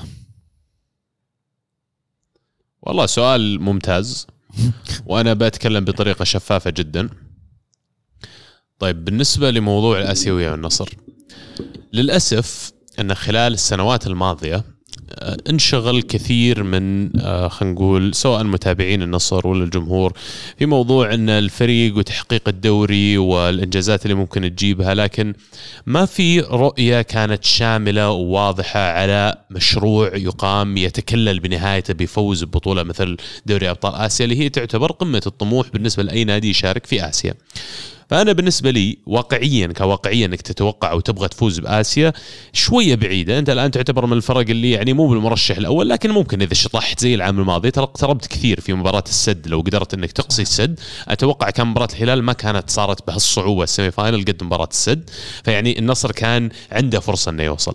أما بالنسبة لي لما تقول لي النصر المفروض يطمح طبعا المفروض يطمح طبعا المفروض عنده خطة إنه يشارك وينجح فيها. لكن اللي قاعد أشوفه أنا للأسف من بعد طلعت سعود السويلم. الرئيس السابق للنصر أم، الإدارة الحالية قاعدة تشتغل في ضمن الإمكانيات اللي عندها كإمكانيات مادية محدودة جدا كدعم مادي يجيهم من أعضاء الشرف وغيره كمان محدود جدا. لكن طمني على بعض الصفقات اللي قاعدة تصير إنهم مرة قاعدين ينتبهون لموضوع جانب السلوك. فالجانب السلوكي يضيفون البنود حقته في عقود اللاعبين اللي يتعاقدون معهم. أنا ما يهمني اللاعب اللي يجي قد ما يهمني سلوكه. وعجبني هذا الجانب الامانه لأنه فعلا إذا أنا ما عندي فلوس كثير أصرفها على أساس إني أقدر أوصل للمكان اللي أبغى أوصله هذا أفضل طريقة إني أبني فيها فريق أم، على أننا قلنا هذا الكلام كله أنا أعتقد أن تشكيلة اللاعبين حتى الأجانب اللي موجودين في الفريق مو بجاهز فريقك انه ينافس في آسيا. اللي تحتاجه أنه من الحين خلال الثلاث مواسم القادمة تحاول تركز على اللاعبين السعوديين على تنشئتهم واستقطابهم. إذا كونت لك فريق كويس من السعوديين وقتها أقدر أجي أقول أنا أجيب لي لاعبين ثلاثة أجانب يرفعون الفريق للمستوى اللي بعده. آه، وأعتقد أن ال DNA اللي قاعد يبنى الآن في موضوع أن النصر معتمد على الصلابة الدفاعية هو الطريق الصح إنك تبني فريق لو تبغى تشارك وتفوز ببطوله زي آسيا. يعني أجيب أجيب طاري الهلال مثلا. الهلال أسلوب لعبه هجومي. من عرفت نفسي آخر على الأقل 10 سنين ولا 15 سنة أسلوب هجومي جدا يعني ما يعرف يدافع أبد. وبالذات آخر ثلاث سنوات الدفاع مرة تعبان. ما الهجوم عنده ممتاز بس ما يعرف يدافع ما يعرف يصف. فعشان كذا خذ فترة مرة طويلة إنه يقدر فعلا يحقق دوري أبطال آسيا. أعتقد لو الفريق مبني على الدفاع بدال الهجوم كان صار طريقة أقصر بكثير. ومرة ثانية أعتقد إن بدال ما تركز على اللي حولك إيش قاعدين يسوون ركز على أنت إيش تقدر تسوي وركز على أنت كيف مشروعك تبغى توصل فيه للمكان اللي تبغى توصل له. معاذ من الهاشتاج يقول شفت بودكاست تماسكا مع الأمير عبد الله بن مساعد في موضوع آثار اهتمامي أو موضوعين. قال إنه قيادة النادي لازم تكون 70% فلوس و30% إدارة. تتفقون؟ وقال إن نظام الرياضات الأمريكية يضمن عدم خسارة أي نادي ماليا بوضع نظام salary cap أشوف ضروري يطبق عندنا. على فكرة ال salary cap اللي تكلم عنه أو هو سقف الرواتب مطبق عندنا موجود. بس في ألف طريقة يلتف عليه. والله جاء عضو شرف أعطاه بيت أعطاه سيارة أعطاه مدري إيش أعطاه كاش مكافأة فوز يعني لازم مع مقدم اي لازم تلقى لك طريقة إنك تحكم الأمور هذه. أما على موضوع التعليق آه، سمو الأمير عبد الله بن مساعد أنا الأمانة ما سمعت الحلقة ولا سمعت التعليق عشان أقدر أعلق عليه بشكل مباشر. لكن أنا أعتقد منطقي الكلام اللي يقول لك حتى لو كانت إدارتك آه، ناجحة جدا وهذا الشيء اللي ضربت طاريه في النصر تو انه قلت مثلا إدارة كويسة تركز على اشياء كويسه لكن ما في فلوس. ما تقدر تحقق شيء فعليا. الفتح سواها حقق الدوري بميزانيه تعادل ربع النصر ولا الهلال ولا غيره. لكن يعني كان هذا حدث استثنائي. إي وحتى لستر لما سووها حدث استثنائي وما تتوقع إنه ينعاد من جديد. على على طاري ال salary cap آه، عزيز آه، ترى في أمريكا آه، لما اللاعب يصير عنده salary cap تلقاه موقع عقد مع واحدة من الشركات الدعائية أو الإعلانية الرعاية. أو الرعاية ب 250 مليون دولار. في ال- في السنة ولا في إيه. ثلاث سنوات فهو آه، غطى يعني جزء من راتب معين ب- ب- برعاية وهذا الشيء المفقود عندنا أساسا يعني اي بس ترى الآن الدوري الأمريكي يمكن إذا هو يتكلم عن كرة القدم آه،. لا مو ال NFL عن كرة القدم ال MLS لو آه، يتكلم. عنه اذا عندهم ثلاث لاعبين العادة يسمونهم designated player هذا يعطى آه، إلى حد ما بدون حد أو الحد حق الراتب السقف أعلى بكثير. الآن قاعدين يراجعون السياسة هذه كلها حقت ال MLS اشتغلت مع الفريق اللي يعملون عليها directly الآن. آه، يتكلمون عن أسلوب جديد يتكلمون عن توسعة الدائرة من ثلاث لاعبين إلى الظاهر ست لاعبين أو إلى أكثر حتى. يتكلمون عن أسلوب الآن إنه يمكن ال- ال- الفرق شلون تصنف لاعبينها. الفرق تقول لك عندي لاعب يعتبر نجم فريق. عندي لاعب وما أدري من مدريد يتكلم عن هذاك اليوم لكن عندنا لاعب نجم فريق عندنا لاعب لاعب مهم بعدين لاعب آه، أساسي بعدين لاعب جزء من الفريق بعدين لاعب خلينا نقول fringe يسمونه بالإنجليزي fringe أو اللي هو على أطراف الفريق. وبعدين عندك لاعب تحت اللي هو backup ولا واحد يعني احتياط. وهذه التصانيف حقتها. فأعتقد إن الدوري الأمريكي الآن اللي قاعدين يسوونه إن كل تصنيف لما تجي تتعاقد مع لاعب لازم تحطه تحت واحد من هالتصانيف وبناء عليه تعطيه الراتب. جميل. آه مستر مودي يقول بالرغم من الأداء الهجومي الرائع لدورتموند وتحسن مستوى الدفاع بعض الشيء مع التدعيم بايمري كان اللي ممكن يلعب كقلب دفاع. هل شايفين إنه على الأقل فرص دورتموند في الدوري والصعود لدور الثمانية تأثرت؟ وأيضا هل شايفين فعلا لايبزيج عنده النفس الطويل للعودة للصدارة؟ لايبزيج عندهم فلوس يا أخي هذا اللي دعمهم. بس يرجعون الصدارة؟ يعني بايرن صدر إيه، فرق نقطة. إيه. ما دام عندك واحد زي تيمو فيرنر. ممكن والله. آه، بالنسبة لي يعني آه، الدوري لسه بدري أتوقع وبايرن ميونخ بدأ يرجع للفورمة اللي إحنا متعودين عليها. بس آه، لايبزيج برضو قاعد يقدم ولا ننسى إنه مباراة لايبزيج اللي تعادل فيها كانت مع رابع الترتيب آه، مونشن جلادباخ فيعني كانت مباراة قوية ومتوقع فيها إنك أنت تتعثر فقادر إنه يرجع. مبروك انتقال إيمري كان آه، لدورتموند مستر مودي. أتمنى له التوفيق صراحة يعني لاعب ما أخذ فرصته بشكل كامل مع اليوفي. دورتموند شكله كويس صراحة بالذات الولد ذا هالاند. مش معقول اللي قاعد يسويه. في لاعب ثاني سوى نفس سوى رقم أحسن من رقم هالاند هالاند سجل سبع أهداف في عدد معين من الدقائق في لاعب ثاني حقق سبع أهداف في وقت أقل مع دورتموند مع دورتموند إيه. أتوقع إن كأني ماني بغلطان باكو ألكاسير صح. إيه. باكو ألكاسير أم، سؤال فلسفي يا عبد الله إيش رأيك؟ يعني مو فلسفي بس يعني مو كروي بحت يقول لك إيش تأثير خروج بريطانيا من الاتحاد الأوروبي على الدوري الإنجليزي واللاعبين الأجانب اللي فيه وانتقالات اللاعبين بشكل عام. تأثير كبير. والله سؤال جميل وفي فيديوهات كثير في يوتيوب تشرح ال- الأشياء اللي ممكن تصير لكن اللي أقدر أقول لكم المتوقع إن في الفترة الأولى كل اللاعبين اللي already لهم عقود مع الأندية ما راح يتغير وضعهم ولا شيء أيه. اللي راح يتغير عليه التعاقدات الجديدة راح تأثر بشكل كبير أنا أعتقد على ال quality وعلى نوعية كرة القدم في الدوري الإنجليزي لأن بني ال brand حق البريمير ليج على موضوع ان تنزل فرق على أرض الملعب فيها 11 واحد من أفضل لاعبين الكره اللي موجودين في السوق ما يهم جنسياتهم ما يهم هم من وين وكان هذا الشيء يعطيهم advantage في كثير من الحالات لكن الآن إذا تقلص العدد المسموح فيه يمكن يواجهون إشكاليات فيه، طبعا بترتفع أسعار اللاعبين اللي يشترون الإنجليز، بترتفع بيقل اللاعبين اللي تنشره من الإنجليز، فيعني إلى حد ما شالوا نفسهم كأنهم خارج القارة. ناثينج يقول أحب أهدي بصرة كبيرة جدا ومشوية بأسوأ البهارات للعبة فيفا 20 اللي ما نزلت بطاقة اللاعب برشلونة فاتي. اللاعب مو موجود باللعبة. بالإضافة إلى التزبيل بسيرفراتهم ما له علاقة ببرنامجكم بس سامحوني متابعكم من خلف التريلات. عبد الله إيش صاير في في في السالفة؟ أنا من مطلع على الموضوع. شلون مرة ثانية؟ فيفا آه الفيفا فاتي ما نزلوا لها فاتي مو موجود بطاقته؟ كرت. ما له كرت؟ إيه؟ بعد ما سجل هدفين. ونزلوا له كرت الحين. ما نزلوا له. سجل. هدفين وما نزلوا له ال Ultimate Team ها؟ إيه. وزعل فاتي. إيه. زعل الم- الم- ال- وال سيرفرات حقتهم تعبانة؟ المتابع طيب آه إي موضوع السيرفرات فعلا تعبانة بس أعتقد إن فيفا ما تلعب على سيرفراتهم. وهذا من الأشياء الإشكاليات اللي عندي معليش أنتم قاعدين تسببوني الحين بس خلوني أشكي لكم شوي لأن فعلا مزعلني الموضوع. أنا كشخص gamer أزعل كثير إن شركة زي EA تأخذ ملايين مو ملايين مليارات تأخذ من اللاعبين اللي يلعبون اللعبة سواء من الناس اللي فعلا آه، جماهير و fans كل سنة تنزل اللعبة يشتريها على رأس كل سنة مع إن اللعبة ما تتغير كثير. Ultimate Team يدفعون ناس مبالغ طائلة على packs أو باكجات وغيرها على أساس يسوون فرقهم. وبعدين تجي يا فيفا أنت يا ولا يا EA وما تحط لي server مخصص للمباراة اللي هو أنا أجي أشبك على ال server واللاعب اللي ألعب ضده يشبك على نفس ال server. فيفا تعتمد إن أنا ألعب ضدك يا عبد الرحمن تلعب على server ي اللي هو جهازي. تجي كأنك تشبك على جهاز تلعب أو أنا ألعب على server ك أنا أشبك على النت عندك.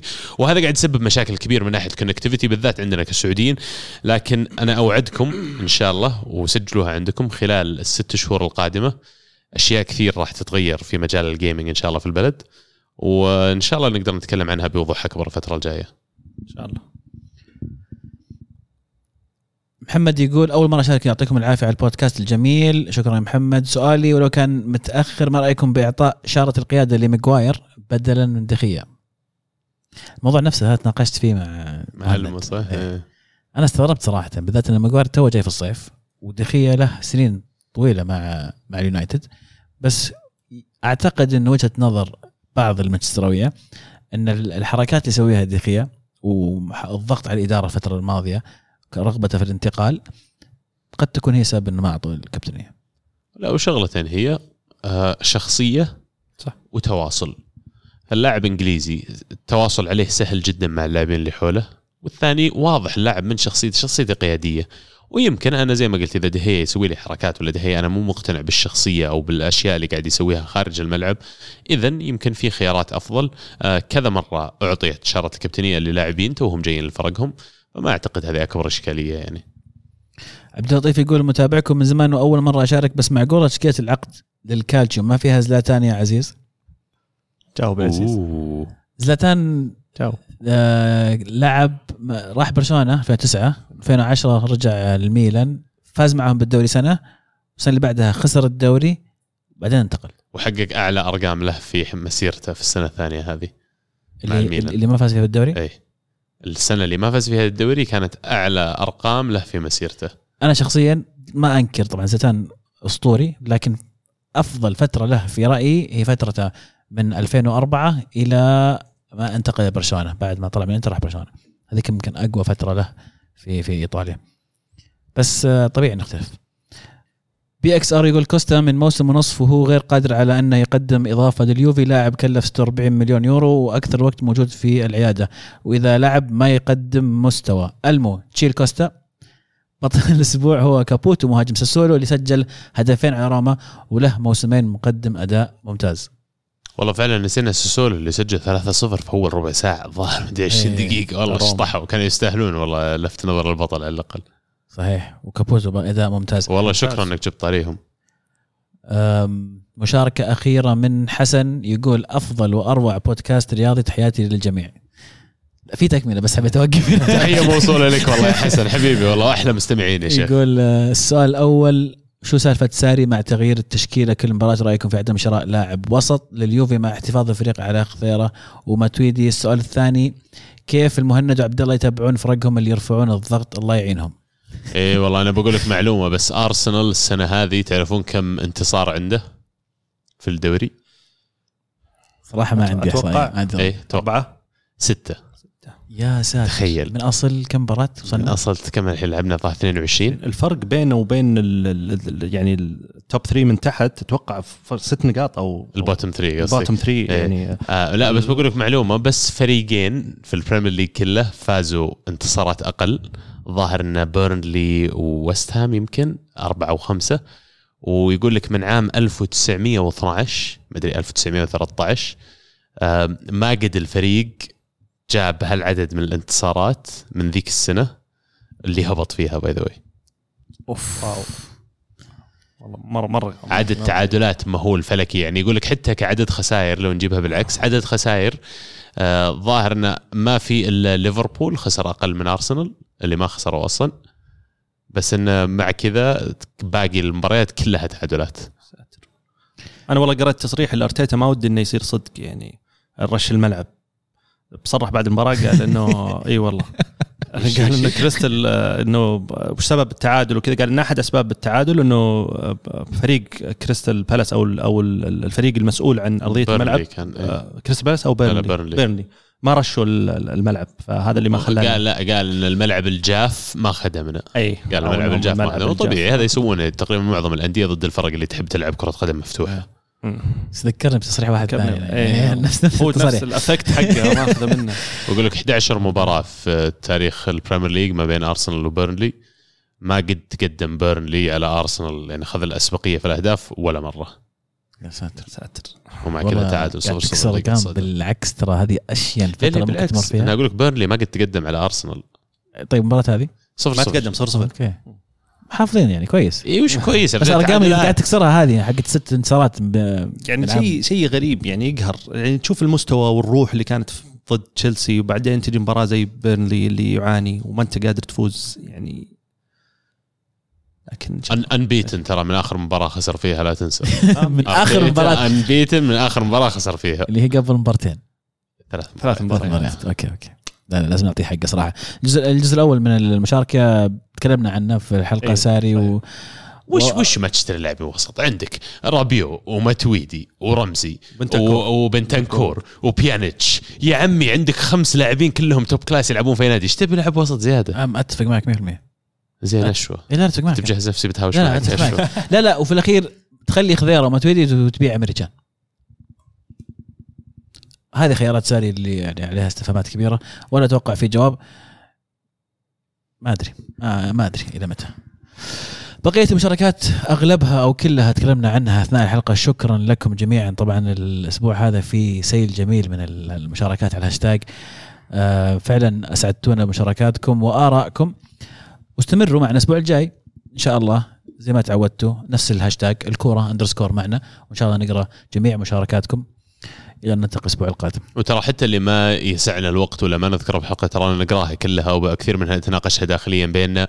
يعني فعلا شكرا لكم بقدر السماع على كل مشاركة وكل استماع وكل interaction وكل like وكل retweet وكل شيء صراحة تسوونه. شكرا لأنكم أنتم بس. آه كذا نكون وصلنا لختام حلقتنا لهذا اليوم وهذه المواضيع اللي كانت معنا. نتمنى تكونون استمتعتوا معنا فيها. ونذكركم تتابعونا على كل حساباتنا على التواصل الاجتماعي موجودين على ساوند كلاود اي تيونز سناب شات تويتر آم، تويتر هو وسيلة التواصل الأساسية لكن جميع ال platforms وجميع ال applications حقت الصوتيات موجودين إحنا فيها. إذا لقيت application إحنا مو موجودين فيه كل اللي عليك إنك تاخذ screenshot تغرد لنا ونكون شاكرين لك وراح يكون إن شاء الله متواجد في هذا ال platform كذلك آه، إن شاء الله وعدنا معاكم الأسبوع القادم يوم الثلاثاء مثل كل مرة. وشاركونا زي ما قال لكم عزيز في هاشتاج الكورة underscore معنا. آه، نشوفكم إن شاء الله على خير الأسبوع القادم. كانت الكره معنا والحين الكره معكم. فمان الله.